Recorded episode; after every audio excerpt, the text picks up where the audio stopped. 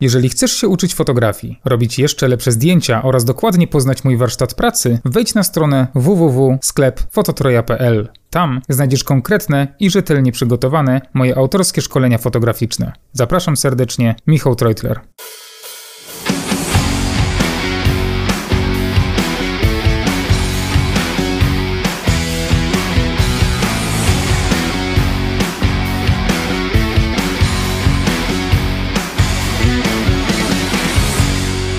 Cześć ekipa, witam Was w ósmym odcinku podcastu fotograficznego Dwa źródła światła. Razem ze mną jest Bartek Romanty, a dzisiaj porozmawiamy o tym, jak kupować lub jak nie kupować sprzętu fotograficznego. E, Michał, zacząłeś od tego, jak kupować sprzęt, ale dodałeś też bardzo ważne, e, że jak nie kupować tego sprzętu. Dlaczego powiedziałeś to, że nie kupować sprzętu też jest takie, e, takie ważne? No przede wszystkim dlatego, że my, fotografowie, mamy to do siebie, że jesteśmy gadżeciarzami. I czasami kupujemy sprzęt, którego niekoniecznie potrzebujemy. A e, to źle? No źle, bo po co masz marnować pieniądze i kupować sprzęt, który leży i kurzy się. No tak, tak, naprawdę. tak, zdecydowanie. A jak myślisz, dlaczego, y, dlaczego jesteśmy gadżeciarzami, to po pierwsze, e, i dlaczego y, kusimy się na to, żeby mieć więcej sprzętu?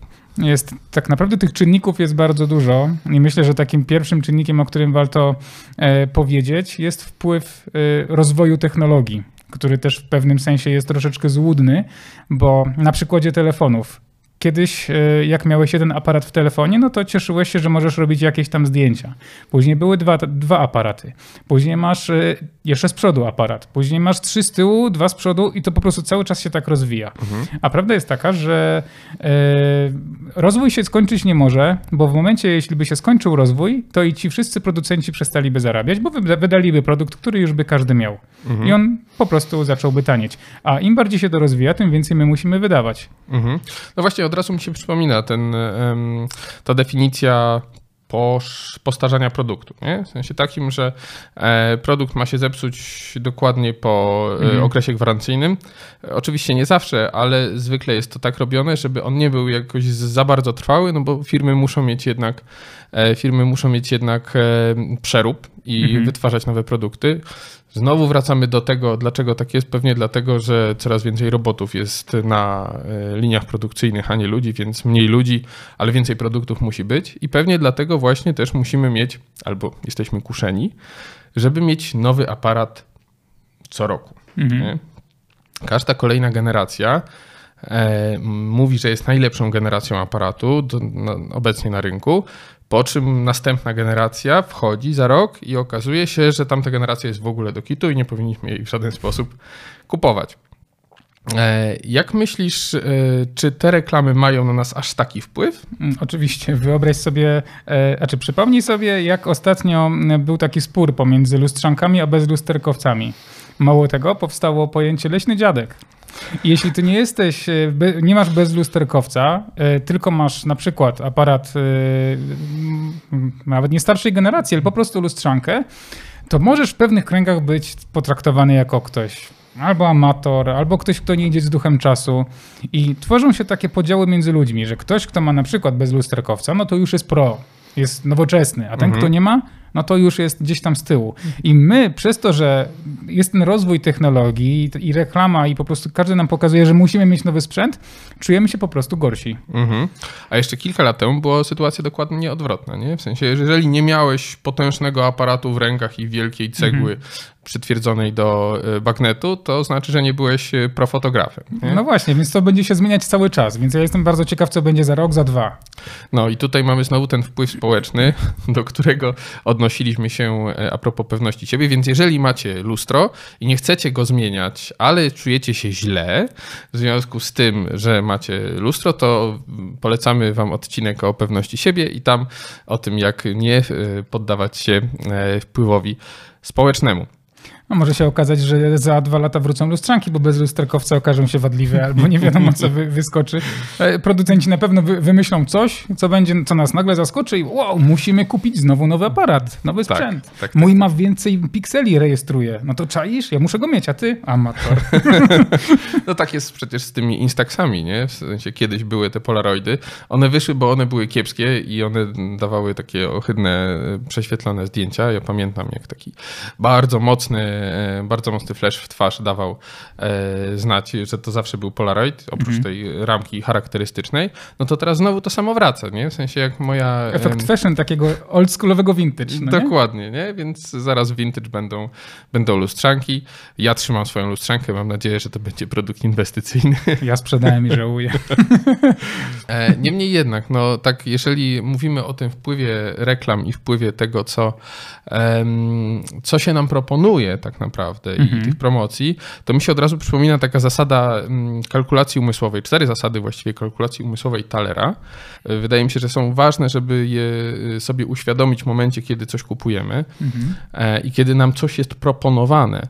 E, Z tego względu, że, mm, że to wpływa na nasze postrzegania. Jak my jesteśmy świadomi tego, że te zasady istnieją i że faktycznie ktoś się nimi posługuje, e, to tym łatwiej będzie nam trochę się przed nimi obronić. Nie? Jest taka zasada, to jest zasada rozdzielania zysków, czyli powiedzmy, że mm, Michał, e, Michał kupuje aparat za 1250, który wcześniej kosztował 1500 zł, czyli jego zysk to jest 250 zł.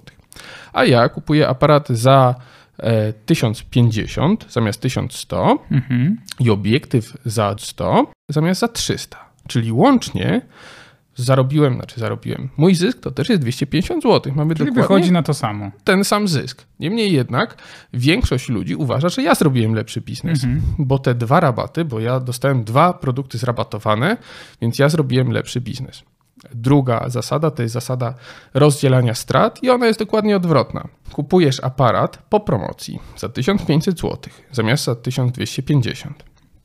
A ja kupuję obiektyw po promocji za 300 zamiast za 100 i y, aparat za 1100 zamiast 1050. Czyli znowu mamy dokładnie tą samą stratę, powiedzmy, że popromocyjną 250 zł. Ale tutaj okazuje się, że Michał zrobił lepszy biznes, bo ludziom się wydaje, że jak się straci na jednym produkcie, to to jest mniejsza strata, mimo że to jest dokładnie ten sam e, mechanizm. Tego typu zagrywek w sklepach, nie tylko ze sprzętem fotograficznym, ale pewnie z wieloma innymi rzeczami, o których, e, które mamy na przykład rabatowane, e, że coś dostaniemy w rabacie jeszcze jednym i tak dalej, i tak dalej, duże, duże, duże zakupy, to na 100% jest to też e, tam wykorzystywane, więc warto to znać, warto się uczulić na to i warto być świadomym tego, że tego typu mechanizmy istnieją i jeżeli się już na nie łapać, to świadomie. Myślę, że wielu fotografów i nie tylko fotografów są świadomi właśnie takich mm, marketingowych zagrywek czy, czy wpływów reklam, y, ale prawda jest taka, że po prostu jesteśmy i tak na to podatni. Może nie każdy analizuje po prostu, y, jak, co się finansowo opłaca, co nie, tylko czasami warto powiedzieć, że y, masz 100 zł zniżki, no to każdy myśli, u, no to biorę, bo jest zniżka. Słowo zniżka, słowo rabat brzmi świetnie, jeśli robimy zakupy. Mhm. Tak, no zdecydowanie tutaj e, znowu trochę zapsychologizuję. E, Jest taki e, badacz e, Daniel Kahneman, e, który opracował, znaczy mm, opisał dwa systemy. System pierwszy i system drugi, jeżeli chodzi o analizę danych. System pierwszy to jest taki system automatyczny, czyli ten, na który reaguje słowo rabat. Nie? W sensie, jak pojawia się rabat, to system pierwszy mówi, o, lecimy, kupujemy. Nie? System drugi to jest ten system właśnie analityczny, ale on jest niestety bardzo leniwy. W sensie wymaga wysiłku, w związku z czym, e, mówiąc tak kolokwialnie, nasz mózg nie do końca chce go aktywizować. Ja ci teraz zadam takie pytanie. E, mamy takiego Karola, który to Karol jest e, cichy, zamknięty w sobie, wycofany. E, I e, on ma, e, mamy trzy możliwości, że on studiuje bibliotekoznawstwo, zarządzanie zasobami ludzkimi e, albo informatykę. Jak myślisz, co, e, co, co, co, co, co byś powiedział, że co on studiuje? Spytałbym go. Wydaje mi się, że ciężko wywnioskować z tego, co powiedziałeś. Ciężko wnioskować. Y, to jest całkiem niezły. y, To znaczy, że twój umysł analityczny tutaj mocno działa, nie wiem, czy to podświadomie, czy świadomie. Niemniej jednak większość osób odpowiada, że, że skoro jest zamknięty, wycofany, to on raczej będzie studiował kierunki takie właśnie typu bibliotekoznawstwo i informatykę, a nie zarządzanie mm, ludźmi, czy ogólnie zarządzanie. Tylko, że ludzie nie biorą pod uwagę tego, że e, ilość danych, których my nie mamy, jest tak ogromna, że my wnioskujemy tylko na podstawie tego, co jest nam podane. A okazuje się, że na przykład ilość studentów zarządzania to jest, nie wiem, 50 tysięcy, a studentów bibliotekoznawstwa 200 osób. Więc proporcjonalnie powinniśmy stwierdzić, że jakikolwiek człowiek ze znacznie większym prawdopodobieństwem studiuje zarządzanie niż bibliotekoznawstwo. I to jest właśnie ten system drugi. E, I problem jest taki, że my analizujemy zwykle zakupy, niestety, dzięki reklamom też, które wzbudzają w nas emocje, na poziomie emocjonalnym, czyli tego systemu pierwszego. I podejmujemy decyzje zakupowe. Znaczy, ten system pierwszy zwykle podejmuje decyzje zakupowe. Oczywiście tam próbujemy się odnieść do tego systemu analitycznego. Niemniej jednak problematyczne jest to, że bardzo łatwo nas wprowadzić w ten system pierwszy, znaczy w to myślenie powierzchowne. E, Można się y, trochę, trochę ratować. Na przykład myślenie analityczne włącza się bardziej wtedy, jak mamy zły humor Mhm. e, i wtedy, jak jesteśmy wypoczęci. Czyli na przykład polecam Wam podejmować decyzje zakupowe o sprzęcie fotograficznym w poniedziałki rano. Bo zwykle w poniedziałki rano jesteśmy raczej wypoczęci po, mm, po całej nocy, a dodatkowo ym, poniedziałkowy poranek też nie sprzyja dobremu humorowi. Więc wtedy włącza nam się ten analityczny umysł, który powoduje, że bardziej e, patrzymy przez pryzmat rzeczywistych korzyści i strat, aniżeli takich powierzchownych rzeczy, które nam są proponowane i mówione no, przez ludzi, którzy, którym zależy na tym, żebyśmy kupili dany sprzęt. Ja powiem ci, że zrobiłem tak dużo błędów zakupowych, zwłaszcza mm, tutaj jak mam na myśli fotograficzne mm, zakupy, że uważam, że dobrym sposobem jest y, na analizowanie tego, czy faktycznie potrzebujesz jakiegoś sprzętu, czy jesteś kuszony przez reklamę, żeby poczekać miesiąc. To znaczy, jeśli po miesiącu będziesz nadal chciał kupić tę rzecz, którą chciałeś kupić miesiąc temu i nadal będziesz uważał, że jest to rzecz, która jest ci bardzo potrzebna, to jest to znak, że możesz faktycznie ją kupić.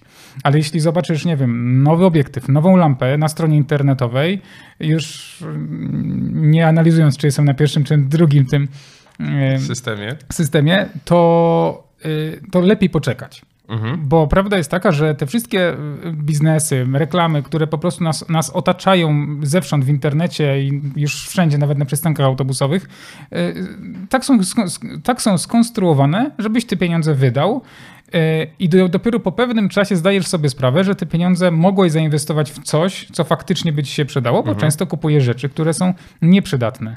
I to się wiąże też z tym, że my jako fotografowie, to, że jesteśmy gadżeciarzami, to jest jedna sprawa, ale druga sprawa jest taka, że na pewnym etapie mm, rozwoju fotograficznego możesz nie wiedzieć, co potrzebujesz. Tobie może się wydawać, że potrzebujesz nowy obiektyw, że potrzebujesz e, pięć lamp. To, to się wydaje, bo z jednej strony fajnie byłoby mieć, no bo będę bardziej pro, jak będę miał pięć lamp. A z drugiej strony e, wchodzimy na YouTube'a, oglądamy filmiki różnych fotografów, czy z jakichś studiu, studii fotograficznych i widzimy, że oni wszyscy są tacy obładowani sprzętem. I my, na przykład, jak jesteśmy początkującymi fotografami, to nam się wydaje, że my też musimy tyle mieć. Mhm. Tak było w moim przypadku. To się w ogóle wiązało z katastrofami finansowymi, no ale to może później. Ale y, nawiązałeś do YouTube'a. Em, Czy myślisz, że faktycznie te, ta mnogość filmów na YouTubie em, dotyczących sprzętu e, wpływa na nas? Wpływa i to bardzo. Tylko, że i pozytywnie, i negatywnie. E, zauważyłem, że tak, z jednej strony, tak jak mówimy o tej reklamie, że ona faktycznie, widzimy dużo sprzętu, chcemy to mieć, bo my też chcemy być tacy jak ci z internetu, mm, ale z drugiej strony, gdyby tych filmów nie było, to też nie znalibyśmy możliwości sprzętu. To znaczy, ja bym to wszystko brał tak przez pół. Jeśli widzimy na przykład super setup oświetleniowy y, przy użyciu jakiegoś tam konkretnego zestawu lamp czy modyfikatorów, to przeanalizujmy, czy przypadkiem nie mamy modyfikatora w domu, parasolki, czegokolwiek, który da podobny efekt. Bo to, że na przykład ty będziesz miał oktę e, softboxa, to nie, możesz to mieć, ale ktoś ci powie, że masz na przykład tam jakąś radżę albo coś tam, który Mhm. też daje miękkie światło. No wiadomo, że różnice w świetle będą, ale nie aż tak olbrzymie, żebyś ty musiał mieć 5 czy 10 modyfikatorów. Jeśli na przykład idziemy do studia fotograficznego, wynajmujemy studio, no to tam już jest zazwyczaj bardzo dużo sprzętu i możesz sobie wybierać, jaki ci się podoba. Ale jeśli ty na przykład robisz zakupy do swojego mm, takiego użytku domowego, no to po co ci jeszcze tyle sprzętu? Jeśli nie masz własnego studia, m, które wynajmujesz na przykład, no to nie potrzebujesz aż tyle sprzętu. Ja zrobiłem właśnie taki błąd właśnie z, gdy ja otwierałem swoje studio fotograficzne, e, przez pewien krótki okres miałem takie studio, łącznie 200 metrów kwadratowych i gdy ja robiłem zakupy właśnie do tego studia po to, żeby było tam jak najwięcej sprzętu. Mi się wydawało, że po pierwsze ja, jeśli będę miał dużo sprzętu, to i moje możliwości się zwiększą, będę miał więcej możliwości na jakieś super ciekawe sesje, nie wiadomo co, ale z drugiej strony miałem w głowie to, że ja te studio też chcę wynajmować na godziny, więc jeśli ty przyjdziesz do mnie na sesję, wynająć sobie, no to też chcesz mieć wybór modyfikatorów. I najlepsze było to, że obładowałem się w sprzęt tak, że do teraz żałuję. Bo w praktyce okazało się, że ani ja, ani osoby wynajmujące nie potrzebowały takiej ilości sprzętu. Moja parasolka 152 cm biała i była najczęściej wykorzystywana, mimo że miałem okty, miałem e, softboxa, miałem stripy, ale na przykład parasolka była najczęściej wykorzystywana, bo daje tak samo miękkie światło, jak i na przykład okta. Wiadomo, są różnice delikatne. Czy jak weźmiesz duży modyfikator, no to oczywiście da inny efekt niż mały modyfikator. Więc to też trzeba rozróżnić, ale jeśli masz dwa duże modyfikatory miękkiego światła, no to trzeba się zastanowić, czy różnica w tym, tak minimalna różnica w świeceniu jest warta tego, żeby wyda- wydawać kolejne setki złotych na modyfikatory. Michał, a teraz w takim razie nawiązałeś do, do tego swojego studia. Ja pamiętam, jak, miałeś, jak, jak nawet rozmawialiśmy o tym, jak kupowałeś wtedy to. E, Ja się totalnie nie znałem, więc powiedziałem, okej, absolutnie masz rację.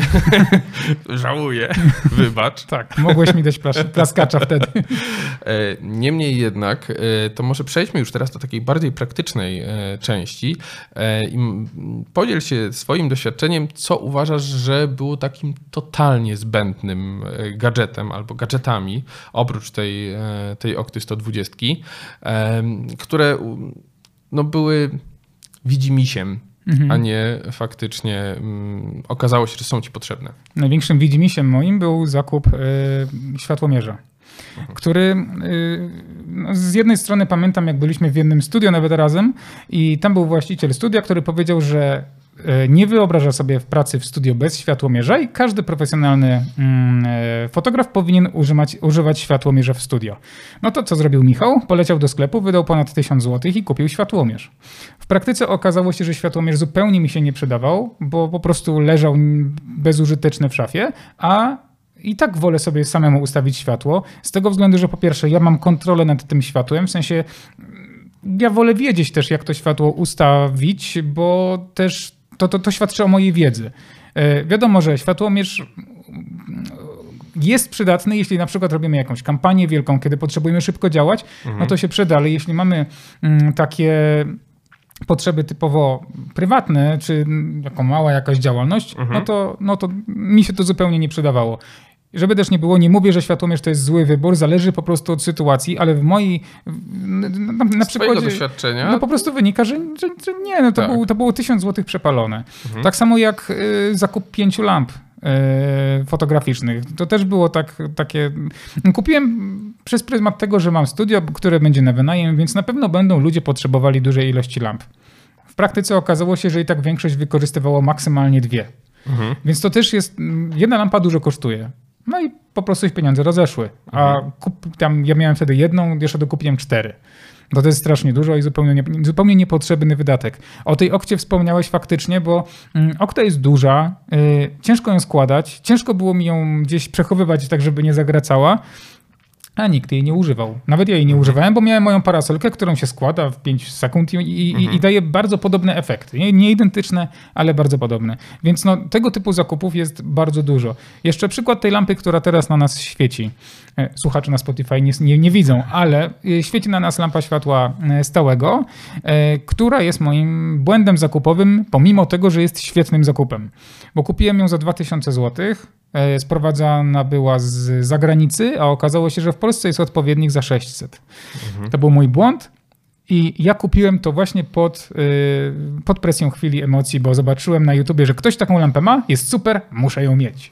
Powinieneś zostawić metkę, żeby było widać, że to jest ta oryginalna No, no dokładnie. 2000 z Ameryki. Ameryka. no właśnie, to jest, znaczy to jest świetna lampa i świetnie świeci, jest cichutka, nic jej nie słychać, jest rewelacyjna, ale mogłem zaoszczędzić. Mhm. Gdybym znowu ten miesiąc sobie dał, albo poszukał w internecie więcej, no to bym też nie, nie stracił tylu pieniędzy. Mhm. No tutaj widać, że, że faktycznie pod wpływem emocji dużo kupiłeś, bo ta, to poczucie posiadania studia też jakoś wymagało od ciebie, żebyś tak stanął profesjonalnie na wysokości zadania. Nie? I, e, I to jest to, że z doświadczenia, właściwie z jego braku, okazuje się, że, że te decyzje zakupowe są błędne, czyli jednak warto najpierw zdobyć doświadczenie i zainwestować w ten rozwój swój, samorozwój, jak mówiliśmy wcześniej, niż inwestować od razu w sprzęt, który okazuje się potem, że się nam nie przyda, bo nie mamy, nie robimy takich zdjęć, albo nie lubimy takich zdjęć, albo po prostu e, przeszacowujemy swoje możliwości no i, e, no i potrzeby. No to właśnie wiąże się bardzo dużo z brakiem wiedzy, brakiem doświadczenia. A przypomniała mi się jeszcze sytuacja, zanim założyłem działalność gospodarczą, e, miałem aparat Nikon D5200 z obiektywem z e, pię- e, Nikkor 518G, czyli ten obiektyw za 800 zł. I pamiętam, że robiłem już wtedy takie zdjęcia, które na tamten moment mnie bardzo, mnie bardzo satysfakcjonowały, ale cały czas z tyłu głowy miałem to, że mam nieprofesjonalny sprzęt, więc ja nie mogę jeszcze założyć działalności gospodarczej i nie mogę zacząć zarabiać na fotografii. E, Całe szczęście okazało się, że dostałem dofinansowanie z Urzędu Pracy, założyłem działalność, dostałem 21 tysięcy na e, zakup sprzętu. I pomyślałem sobie, no to kurde, to teraz to będę taki profesjonalny fotograf, bo będę Teraz miał będzie taka plastyka obrazu. o Jezus, co się będzie działo. I e, z jednej strony faktycznie kupiłem sobie pełną klatkę, wymieniłem sobie Nikora 51.8 na, e, choć to po, troszeczkę później, na e, Sigma 51.4. E, przede wszystkim dlatego, że wiedzia- to jest taka moja y, świadomość tego, że ja mam profesjonalny sprzęt, więc ja jestem bardziej pro. Okazało się, że różnica w zdjęciach jest niewielka, natomiast co do tego obiektywu, ja miałem cały czas nikomu nie mówiłem, że to jest obiektyw za 800 zł, było, było mi wstyd. I Tak sobie myślałem, Boże, z czym do ludzi? Jak ja mam klientom robić zdjęcia na obiektywem z, za 800 zł? A ja kocham ten obiektyw. To Jak sobie go przypomnę, to normalnie aż, aż bym do niego wrócił, bo naprawdę jest rewelacyjny. Oczywiście w porównaniu z Sigmą, no to jest wolniejszy, jest mniej ostry, ale jednak był to świetny A obiektyw. jaka jest różnica w cenie między Sigmą? O Jezu, ponad 2000 zł. Okej. No, 2,5 tysiąca. Mhm. Czy warto dopłacać? Z jednej strony warto, no bo masz szybko, masz ostre, e, sz- szybkie, e, szybko ostrzy i ostre, ostrzejsze zdjęcia, ale jak kogoś nie stać, to nie musi mieć e, w głowie tej takiej świadomości, że musisz go kupić za wszelką cenę, a em, a jeśli go nie masz, to sam siebie hamujesz po prostu przed rozwojem i przed tym, żeby po prostu zacząć działać. Mhm. No, więc yy, aha, jeszcze jeden taki, co mi się yy, wpadł do głowy, taki, yy, taka sytuacja, jaką kiedyś miałem. Ym, Gdy ja zaczynałem się uczyć fotografii, to najbardziej popularnymi dwoma obiektywami był, yy, były obiektywy oogniskowych 24-70 i 70-200. I mówiło się, że kto nie ma takich obiektywów, ten nie jest pro. A czy mówiło się? Ktoś tak napisał na internecie, ja to gdzieś tam podsłyszałem, no i zakodowałem sobie w głowie, bo profesjonalny fotograf musi mieć pełną gamę tych wszystkich e, ogniskowych. Kupiłem oba i oba sprzedałem, bo się okazało, że to nie dla mnie, po prostu. Okazało się, że ja wolę stałki, bo 2.8, gdy na, na przykład robiłem e, reportaże, było dla mnie za ciemno. Mhm. Więc to jest też taka niewiedza, więc my często kup, robimy zakupy, mm, które wydaje nam się, albo ktoś nam powie, że nam się przyda, ale w praktyce nam się to nie przydaje. Mhm. Bo na przykład dla kogoś obiektyw y, 24-70-2.8 może być super obiektywem, może się świetnie sprawdzać, ale niekoniecznie dla mnie. Mhm. Więc to też warto przemyśleć albo najlepiej przetestować. Jeśli masz możliwość, to, to warto testować. Czy w jakichś wypożyczalniach, czy od znajomych, no jest tego możliwości, Mhm. jest, jest sporo. Czyli po prostu zaczynać mm, od tego właśnie, żeby robić, a nie zaczynać od sprzętu, który jest sprawą Mhm. drugorzędną. E, Ja zawsze y, gdzieś tam kojarzy mi się e, to pytanie, y, jaki aparat kupić, to od razu pierwsza myśl, która się nasuwa, to jaki masz budżet. Bo y, ja sobie kojarzę właśnie moją sytuację, moje doświadczenie z, e, z koleżanką z pracy, która zapytała mnie, Bartek, jaki aparat kupić dla mojego syna, bo on się interesuje fotografią. Więc moim pierwszym pytaniem, które okazało się błędne, było, jaki masz budżet? Po prostu, ile możesz wydać na, na ten aparat? E, no, dostałem jakąś informację. E, na podstawie tego budżetu wywnioskowałem, że najlepszy będzie e, jakaś lustrzanka amatorska z takim obiektywem typu, typu kit, a może troszkę lepszym nawet byłoby, byłoby ich stać, żeby na początek miał duże możliwości, żeby się dużo uczył. Po czym okazało się, że ten syn jest bardzo mobilny, w sensie dużo wyjeżdża, y, czy to na rowerze, czy gdzieś ze znajomymi. Często, często po prostu nie ma żadnych bagaży tak naprawdę, jak mhm. się okazało w trakcie rozmowy. W związku z czym na początku pewnie podczas tego słomianego zapału fotograficznego lustrzanka byłaby fajnym wyborem, no bo jest duży aparat, mhm. czuje człowiek profesjonalnie. Po czym powolutku zaczęłoby się to, że a może jednak nie wezmę tej lustrzanki, w sumie nie mam gdzie jej wziąć i tak dalej, i tak dalej i wraz ze spadkiem motywacji, bo kurczę, u 14-latka spadek motywacji może z dnia na dzień się pojawić, mogłoby dojść do tego, że ten aparat mm, poszedłby w kąt, więc trzeba było całkowicie inaczej podejść do tego. Trzeba było podejść do tego jako do aparatu mobilnego, stricte, mhm.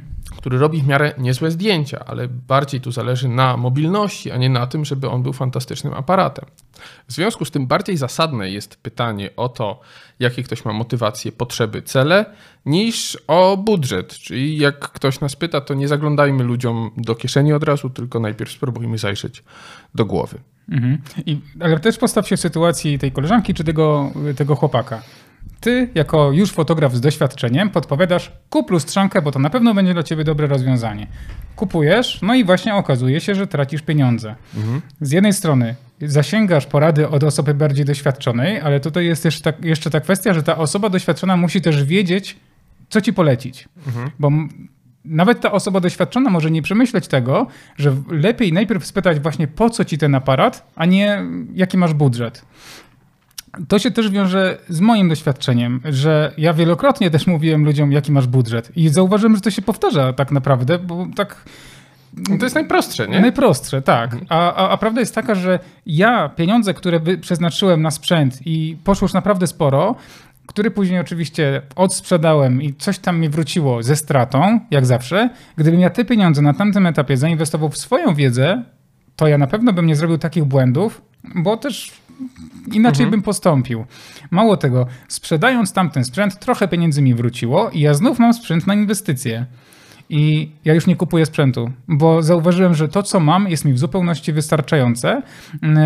A jeśli faktycznie znajdę sprzęt, który mm, potrzebuję, do, czy do jakiegoś projektu, czy nie wiem, filtry, cokolwiek, coś bym potrzebował, a nie mam, to wolę pożyczyć. Bo często jest tak, że wydaje nam się, że kupimy coś i będziemy tego często używać, użyjemy raz do jakiegoś projektu, a później to idzie do szafy i leży. Mhm. No to po co mamy marnować pieniądze, skoro możemy wypożyczyć? Taki przykład ostatnio y, Marek Zawadzki, nasz kumpel, pozdrawiamy Marka po raz kolejny, y, przysłał mi y, snuta, którego kupił, on jest do efektów Gobo. Bardzo fajny sprzęt. Byłem bardzo ciekaw, jak się na nim pracuje. I chciałem go kupić, ale pomyślałem wtedy, że nie, nie, nie, nie, bo nie wiadomo jak. Ja nie robię efektu gobo na co dzień, mhm. więc jest małe prawdopodobieństwo, że będę go robił często. Więc po co mam kupować ten sprzęt? A on chyba też tam około 8 czy 9 stówek e, kosztował. Drogi był, no. E, pożyczyłem. Mm, I okazało się, że bardzo fajny sprzęt, ale gdybym miał go wykorzystywać do wielu sesji, no to nie, bo, bo to mhm. nie jest mój styl. Czyli to jest kolejny przykład tego, że dobrze jest coś pożyczyć, sprawdzić, oddać. Jeśli będę kiedyś jeszcze pożyczał, mam pewność, że Marek mi pożyczy, bo mhm. jest fajny. e, Michał, to y, jeszcze kończąc temat y, sprzętu i takich y, praktycznych rad, powiedziałeś o tym, co było Twoim najgorszym zakupem, mhm. e, jeżeli chodzi o sprzęt. Ale co było Twoim najlepszym zakupem? Mm, Monitor graficzny i komputer. Wbrew pozorom nie był to obiektyw za kilka tysięcy, tylko właśnie monitor i komputer. Z tego względu, że bardzo y, przyspiesza pracę, no i przede wszystkim widzę, jakie zdjęcia Mhm. powstają faktycznie, jeśli chodzi o kolorystykę. No i wiadomo, my możemy robić zdjęcia gorszym aparatem, gorszym obiektywem, ale jeśli zrobimy na gorszym monitorze i nie będziemy widzieć faktycznych kolorów zdjęcia, no to, no to cała praca jest bez sensu. Więc tu polecam jak najbardziej przemyśleć e, monitor graficzny. Komputer też tak naprawdę, bo jeśli składujemy zdjęcia w dużych ilościach i potrzebujemy, potrzebujemy pracować w retuszu na warstwach, no to też e, dobry komputer jest przydatny. Zauważyłem e, wśród znajomych, którzy na przykład dostają dofinansowanie na rozpoczęcie działalności, pytają mnie, co, mogą, co, co kupić lub co ja kupiłem. I jak ja mówię, że komputer, to wszyscy dziwne. No to trzeba było jakieś obiektywy kupić. Ja mówię, no ale ten komputer właśnie wtedy był mi najbardziej pot- potrzebny i to był świetny e, wydatek. Mhm. Więc nie szedłbym tutaj w ilość obiektywów, czy, czy ten tego sprzętu, który faktycznie będzie ci potrzebny. To ja powiem z doświadczenia, że się z tobą zgadzam. O, Z doświadczenia się y, z tobą zgadzam, ponieważ właśnie mój komputer jest wąskim gardłem w moim procesie obrabiania zdjęć, w sensie robienia zdjęć tak naprawdę. E, Ja czuję, że ja robię mniej zdjęć właśnie przez to, że myślę sobie, kurde, znowu będzie trzeba siedzieć w tym Lightroomie, on będzie mulił jak nie wiem co. Będę obrabiał w Photoshopie to, co bym zrobił w 15 minut, w pół godziny, bo oczywiście e, ramu jest za mało. I faktycznie okazuje się, że to, że ja robię mniej zdjęć, wynika nie z tego, że nie mam motywacji do robienia zdjęć, tylko wynika z tego, że ja wiem, jak, na jakie problemy ja się natknę, kiedy będę robił więcej zdjęć. Po prostu, że będę musiał znowu siedzieć przed tym komputerem i marnować czas na coś, co wcale nie jest, wcale nie jest takim korowym e, działaniem fotografa, czyli po prostu robieniem zdjęć Tak. i, i, i obecnością obecnością na sesji. E, W związku z czym też jestem właśnie na etapie komputera i to jest moje z kolei doświadczenie, które mówi, że to jest jedna z ważniejszych rzeczy, o których teraz niestety, znaczy takich sprzętowych, o których rzadko się myśli. No tak, tym bardziej, że jeśli robimy zdjęcia, cieszymy się, to nas wow, mega cieszy, a później siadamy do komputera i jest bardzo dużo osób, które nie lubi, nie lubi retuszu, oczywiście z wielu przyczyn, ale między innymi taką przyczyną jest również to, że komputer nie, nie, nie daje rady i, i zwleka, i czekasz, i muli, i po prostu marnujesz swój czas. I jeśli faktycznie robisz tych zdjęć dużo, niekoniecznie profesjonalnie, nawet amatorsko, to warto mieć dobry komputer, który, który po prostu zaoszczędzi ci nerwów. Na, na, patrząc przez pryzmat kilku lat do przodu, to jest naprawdę dobra inwestycja. Yy, I nawet bym chyba wolał kupić ten komputer niż, niż kolejny obiektyw. Bo kwestia obiektywów to też jest taki temat dość szeroki, że yy, jesteśmy bombardowani ilością możliwości, jeśli chodzi o ogniskowe, o, o, o, o światło, jakie te obiektywy mają. No, nie wiadomo, ile tego jest tych możliwości. Ja mam na ten moment trzy obiektywy, z czego wykorzystuję do fotografii dwa. 50 i 105. Yy, Mam jeszcze szeroki, no bo to tak jak do filmów się przydaje. Yy, Chociaż na, na rynku jest bardzo dużo obiektywów, które chciałbym mieć, bo wiadomo, mogą się przydać. Ale czy je potrzebuję? Nie. No właśnie. No. No. ale to zdobyłeś to z doświadczeniem, e, z doświadczeniem kupowania, ale też z doświadczeniem robienia zdjęć i tego, jakie, jakie to są te najważniejsze y, narzędzia, bo to są narzędzia tak naprawdę, e, w twojej pracy. nie? Jeszcze dobrym zakupem była blenda. To też muszę wspomnieć, że to jest taki prosty, prosta rzecz za parę złotych, a naprawdę jest rewelacyjnym e, akcesorium do prawie każdej sesji zdjęciowej. Nawet teraz tutaj blenda stoi. Więc y, blenda jest super e, takim zakupem na samym początku, bo i zrobisz nią światło, i odbijesz, i, i, i zblendujesz. I tak jak tutaj może służyć jako y, murzyn. no. Y, Wygaszacz. E, Także no jest to bardzo dobry zakup. Czasami takie zakupy, e, które wydają się błahe, są bardzo dobre. Na przykład nie kupiłbym teraz pięciu wyzwalaczy lamp, jak zrobiłem kiedyś, bo stwierdziłem, że jak będę miał e, studio fotograficzne, to muszę mieć pięć wyzwalaczy pod każdy system, bo jak ktoś przyjdzie z Olympusem, to mo- może umieć wy- wyzwolić. Tylko bym przemyślał, przecież są uniwersalne. To dlaczego głupi Michał kupił pięć? To są takie po prostu błędy, które też mm, z jednej strony usłyszałem, że ktoś tam w studio tak ma, no to ja też tak muszę mieć. Czyli znowu brak doświadczenia. Mhm. I- I... opieranie się na opinii innych e, bez przepracowania tego. Które też niekoniecznie zakresie. musi być dobrą opinią. Mhm. No, Tak, tak, tak. Dokładnie. Więc często jest tak, że nawet możemy dobrą radę od kogoś dostać, tylko że ten ktoś też może się mylić. Mhm. Więc dla mnie, wydaje mi się, nie, jestem pewien, że najlepszą metodą zakupową jest najpierw dać sobie miesiąc czasu na sprawdzenie, czy faktycznie potrzebujemy tego. Jeśli jest możliwość, to wypożyczyć. Mhm. I jeśli po wypożyczeniu będzie nam tego brakować, to wtedy kupić. Mhm. Z blendą to ja mam taką fajną historię.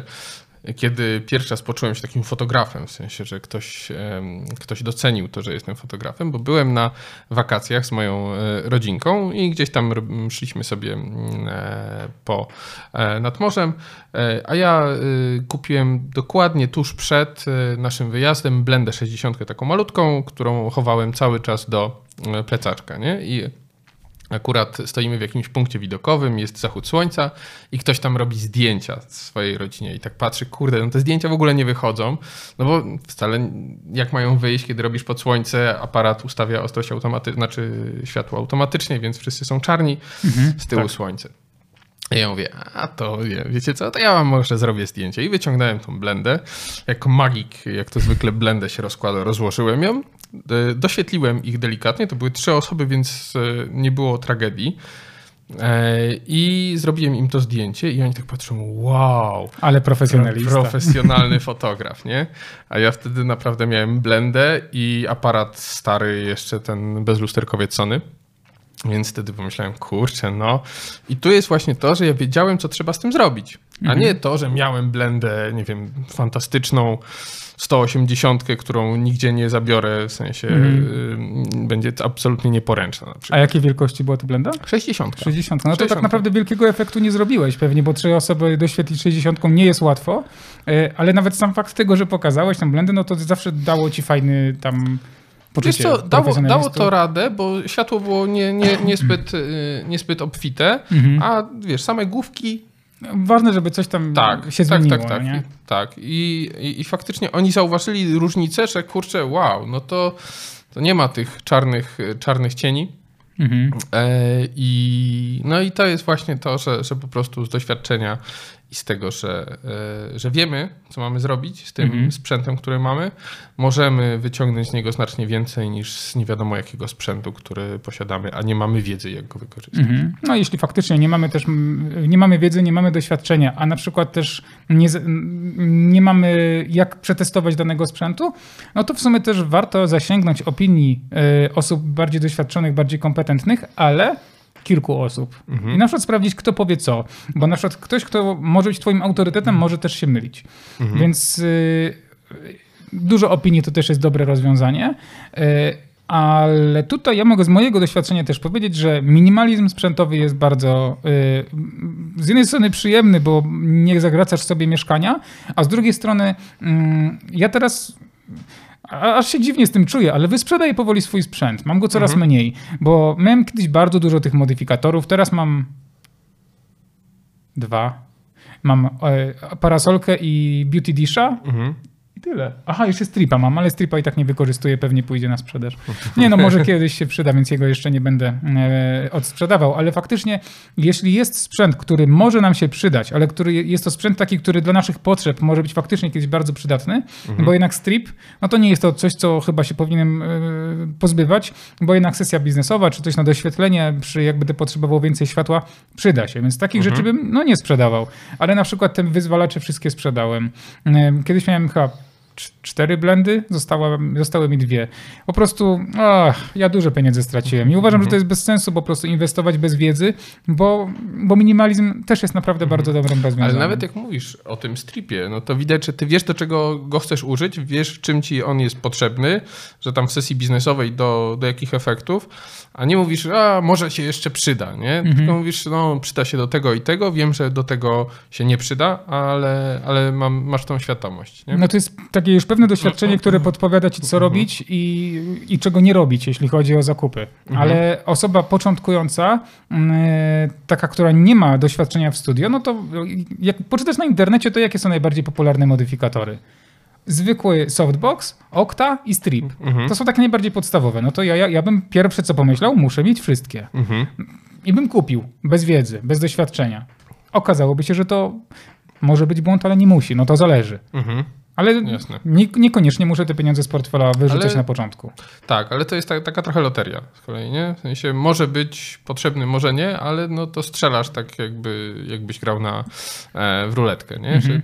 Tu, tu, tu, tu, to wybiorę, a może któreś akurat trafi. No to, to No jest dokładnie. bardzo prosty, bardzo proste faktycznie, e, bardzo prosta droga do tego, żeby te pieniądze stracić. stracić. No, zwłaszcza, że mm, przykładowo ja teraz mam moją ukochaną parasolkę 150 białą i ona daje mi piękne, y, miękkie światło. Ale ja tą, tą samą parasolką mogę stworzyć ostre światło. Mhm. Bez żadnego problemu. Wystarczy odstawić ją na maksa do tyłu lub odwrócić w drugą stronę i poświecić po, po, po ścianach.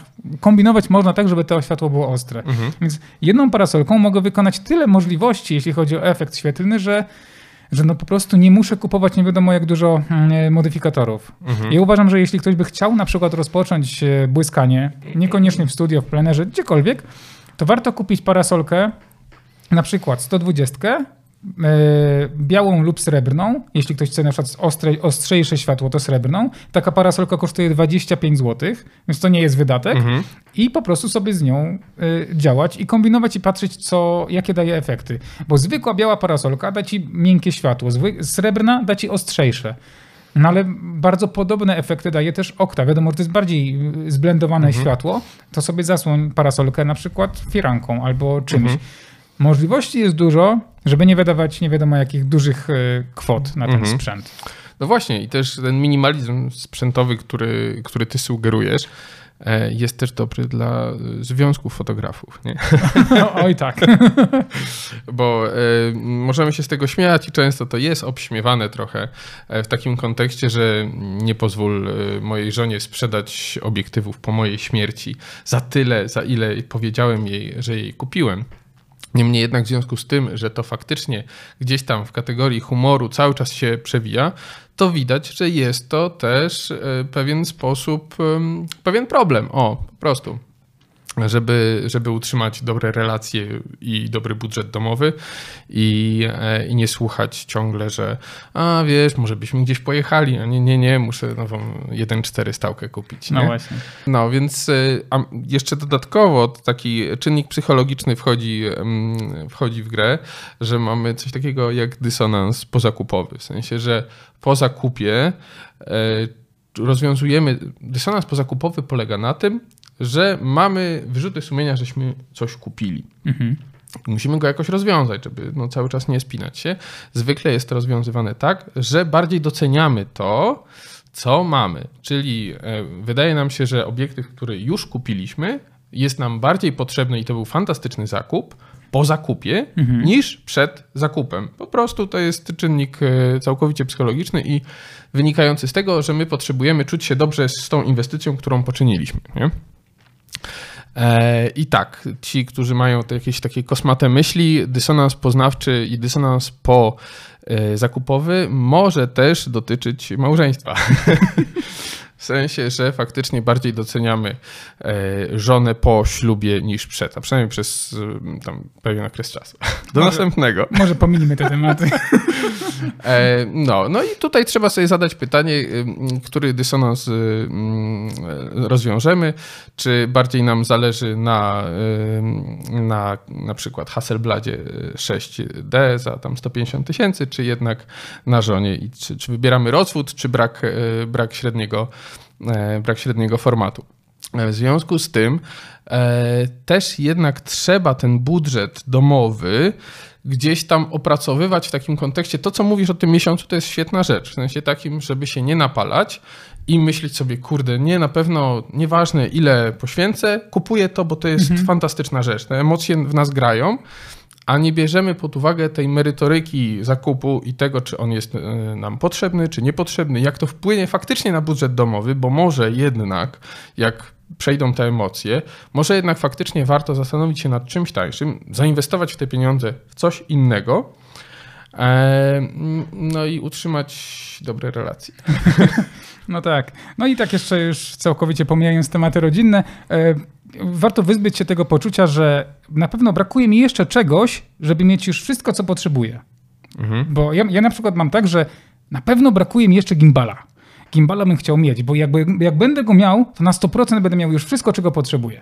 Kupuję gimbala, jeszcze jedna rzecz, której potrzebuję. Jeszcze potrzebuję czegoś tam. I to się tak napędza, napędza. I prawda jest taka, że my nigdy nie będziemy w takim etapie, że mamy już wszystko. Dopóki nie zrozumiemy, że to, co mamy na ten moment, jest wystarczające. Bo jak to wykorzystamy w jakiś fajny, dobry dla nas sposób, jakiś, e, będziemy wiedzieć, jak to użyć, to to nam będzie w stu- w 100% wystarczające. Stąd znowu pojawi, pojawia mi się ta mm, definicja minimalizmu, która jest, w ogóle minimalizm jest świetny, to polecam wszystkim. Mhm. No tak, bo nam się wydaje, że tak jak mówisz, nie będziemy e, usatysfakcjonowani, dopóki nie będziemy mieli kolejnej rzeczy i kolejnej rzeczy, a to jest bardzo łatwe, żeby wydać, wyciągnąć kasę, mamy kasę, wyciągnąć kasę, mamy pieniądze, ok, super, to teraz już jest lepiej, nie? Zamiast zainwestować te pieniądze albo zainwestować czas po prostu w rozwój swój, bo to jest jednak praca nad sobą, a zakup to jest takie pyk. Od razu ma, y, nie masz, masz. A rozwój to jest jednak ten proces, praca nad sobą, poznawanie, doświadczanie tego, czego potrzebujesz. I dlatego łatwiej jest nam kupować i tak właśnie robić taką protezę, że rozwijamy się w fotografii przez zakup kolejnego obiektywu, a nie przez to, że mamy, y, że faktycznie jesteśmy lepszymi fotografami. Mhm. Bartek, gdybyś miał 10 tysięcy złotych, daję ci 10 koła. Na co byś wydał, gdybyś był początkującym fotografem? Mm.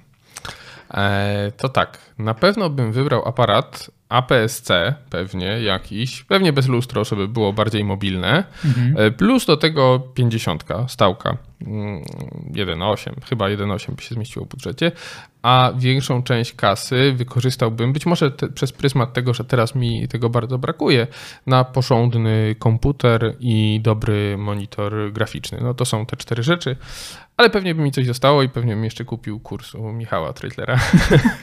No właśnie, miałem o to zagaić, o tą inwestycję mm, w wiedzę.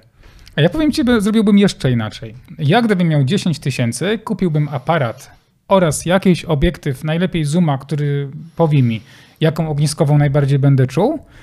E, Na to bym wydał może z 2,5-3 tysiąca, a resztę bym zostawił w portfelu. I bym poczekał, zobaczył, czego faktycznie będę potrzebował i zbierał doświadczenie e, praktyką. Mhm. Ale mnie zagiąłeś teraz. A ja bym i tak wydawał. Nie, no żartuję. Mm, Masz, Ale masz... fakt, faktem jest, że jak masz te 10 tysięcy i wiesz, że możesz przeznaczyć, to chcesz je wydać. Tak, tak, nie? tak, tak. Więc tak. tutaj też trze- trzeba sobie dać takiego, e, e, panie Bartku, spokojnie. Nie wydajmy od razu pieniędzy, bo, bo możemy je stracić. Masz rację. I to znowu jest to, że my wchodzimy do takiego egoistycznego poczucia, że ja wiem, bo ja już wiem, na co bym wydał, nie? W sensie ja znam swoje potrzeby e, i ja bym je od razu wydał na to, na to i na to. I to jest właśnie dokładnie to samo, co to pytanie o budżet, nie? W sensie, że ty pytasz, jaki masz budżet, bo ja wiem, jaki budżet ja mogę na co przeznaczyć. W sensie, jak będę miał 5 tysięcy, to kupię sobie to, jak będę miał 10, to kupię to, jak będę miał 20, to kupię to. Więc my mamy gdzieś tam w głowie te drabinki już ukształtowane, więc jak ktoś nas pyta, kupuj to. No, ja, bo ja wiem. To jeszcze marketingowa głowa też podpowiada z doświadczenia. Myślę, że to jest dobry moment na podsumowanie tego odcinka. E, Myślę, że takim pierwszym punktem, o którym e, warto wspomnieć w podsumowaniu, to to, że warto wykorzystywać to, co mamy. Nie miejmy w głowie tego, że to na sprzętu jest e, wymogiem, tylko wykorzystujmy to, co mamy, bo to, co mamy, często jest w zupełności wystarczające.